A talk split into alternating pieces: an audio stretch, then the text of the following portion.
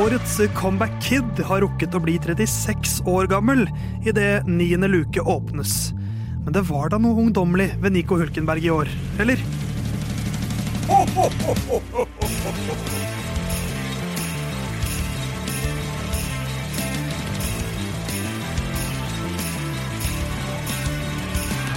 Deutschland, Deutschland, Uber i hvert fall noen i årets Formel 1-sesong. Du hører på Lina Curbs sin julekalender. Vi har kommet til luke nummer ni.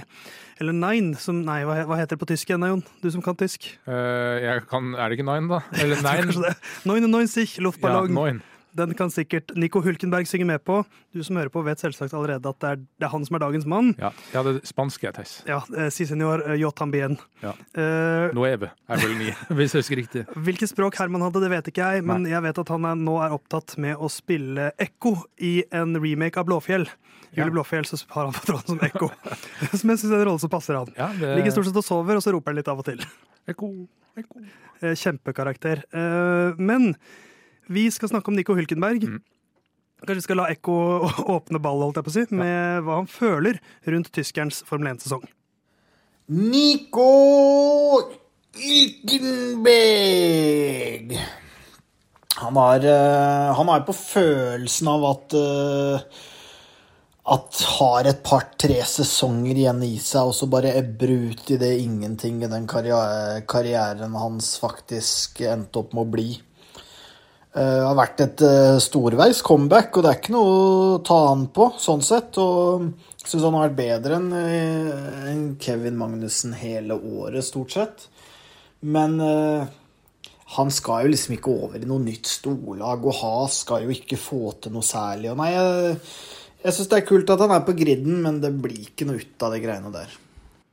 Kult at han er på griden, det blir ikke noe ut av det der. Hva blei det ut av Nico i åra, Jon? Eh, Det ble 16.-plass, ni poeng. Ett poeng bak Bottas. Eh, Og jeg syns det er litt interessant å se hvor poengene kommer fra, fordi det, sånn, det gir ikke alltid mening for meg.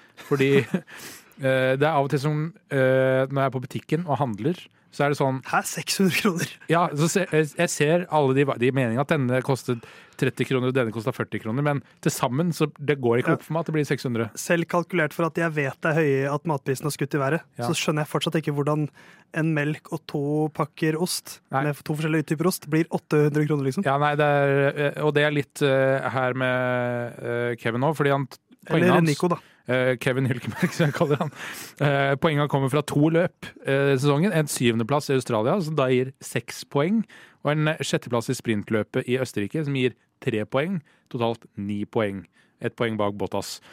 Ikke veldig imponerende, kanskje. Eh, og Kevin tar poeng i ett løp mer, men får da tre færre poeng. Eh, Så da er det sånn eh, hmm, er det, er det greit, eller er det ikke greit? Eller hvem har imponert mest og ikke? Men eh, Eh, nei, Kevin han får ikke mer enn tre poeng totalt, så han ligger da seks poeng bak. Um, og Hylkenberg fullfører over Magnussen 13 ganger. eh, og har bedre startposisjon 14 ganger. Så omtrent eh, to tredjedeler av løpet gjør han det bedre, både løpmessig og kvalikmessig. Ja. Men jeg sitter også og tenker, eh, hvis man tar høydepunkt, da, at ja, Kevin Magnussen har tatt eh, kanskje løp i flere, eh, poeng i flere løp, men det er fortsatt Nico som har vært mest stabil, og virka som det er han som får ut potensial fra, fra bilen. Eh, og høydepunkt i år er jo hva, hva har du plukket deg ut? Jeg har plukka meg ut eh, en, en nesten imponerende rekke med kvalifiseringer. eh, Fra Spania via Canada til Østerrike. og Da kvalifiserte han sjuende, femte og 8. plass, Som er bra i eh, traktorhas, som vi kaller den. Eh, og et annet høydepunkt for meg er eh, hvordan han har uttalt seg etter sesongen. Eh, fordi der Kevin har mer gått the company line med ja ja, det er sånn det er, og bilen ble Vi fikk ja, kanskje bedre neste år. Så har Nico vært åpenbart eh, skuffa over hvordan sesongen avslutta. Han måtte reversere til eh, tidligere spekk på bilen for at han skulle Han likte det bedre, men de har ikke fått mer pace ut av bilen.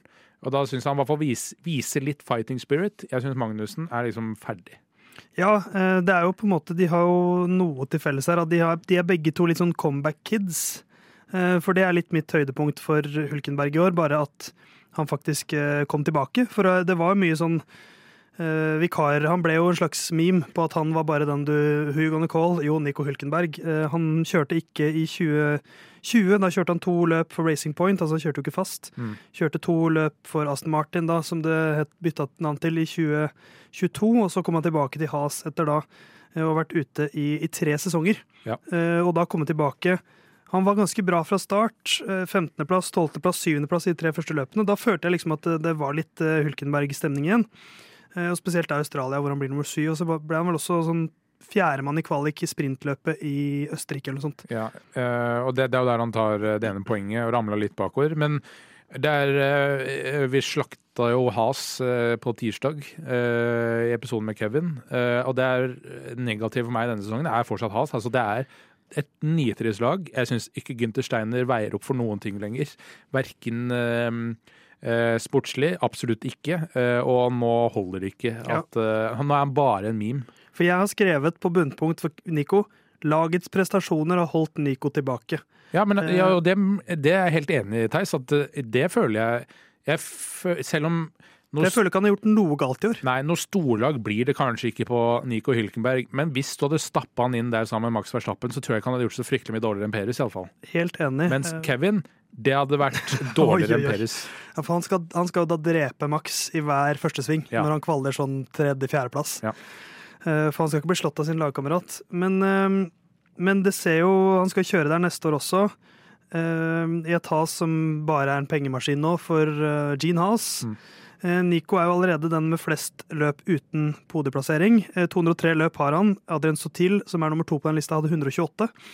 Eh, Da kan han eh, nesten doble da. ja, mens eh, lista over da Grand Prix-løp eh, uten seier eh, Der er han ikke først lenger. Andrea de Cesaris har 208, så Nico med da sine 203 Han trenger bare fem løp til. Ja. Seks løp til, så setter han ny rekord for flest løp uten seier. Eh, den rekorden tar han neste år. Ja, altså, hvis du får ehm, Hva skal vi si, mest kaosløpet som vi har hatt i det siste, eh, da må du liksom tilbake til sånn Monza 2020, vel. eh, Da eh, Hamilton fikk holdt på å si rødt kort for å kjøre på rødt lys. Eh, Så man trenger et sånt løp, og da er ikke Has det laget jeg putter pengene mine på, eh, til å skulle være de som klarer å utnytte en sånn situasjon. Nei, Podieplassering kan, kan det hende han får, på et sånt vis, men at han da skal være i posisjon til å vinne, det klarer jeg i hvert fall ikke å se for meg. Eh, Herman sier også at han, det kommer til å gå liksom et par år til, og så ebbe det ut. Og så syns jeg fortsatt han har mye å være stolt over i sin karriere. Masse poeng og flotte prestasjoner og en lang og verdig Formel 1-karriere, men eh, han ble aldri en verdensmester. Det tror jeg vi kan si ganske sikkert nå. Nei, det var vel Force India han kjørte for, som er kanskje den mest imponerende delen av hans karriere. For meg. Um, fremtiden, Theis. Uh, altså kommende sesong, så lenge Has ser ut som det gjør, så kommer denne sesongen til å se akkurat lik ut som denne har gjort. Det frykter dessverre jeg også. Men Nico har fortsatt råd til å legge noen gaver med navn Jon Halvdan og Theis på under treet. Eh, Jeg har enten bratwurst, Ja. som er jo litt kjedelig, men jeg føler samtidig at han er Formel 1-verdenens svar på Morten Gams Pedersen. Ja. Og hva er det Morten Gamst er kjent for? Jo, Renati.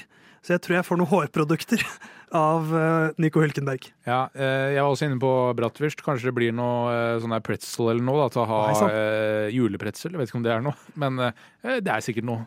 Da håper vi på Jolenpretzel fra Nico Hylkeberg. Kos deg i jula, og så høres vi igjen neste år. Vi gleder oss til du tar rekorden til Andrea de Cesaris. Litt tidlig. Gleder meg til du skal si det igjen. eh, Andrea de Cesaris? Ja, i løpet av sesongen. Riktig tall, en sted, tror jeg. I morgen skal vi bare se på lista mi her, så skal vi reise fra Tyskland helt til Kina.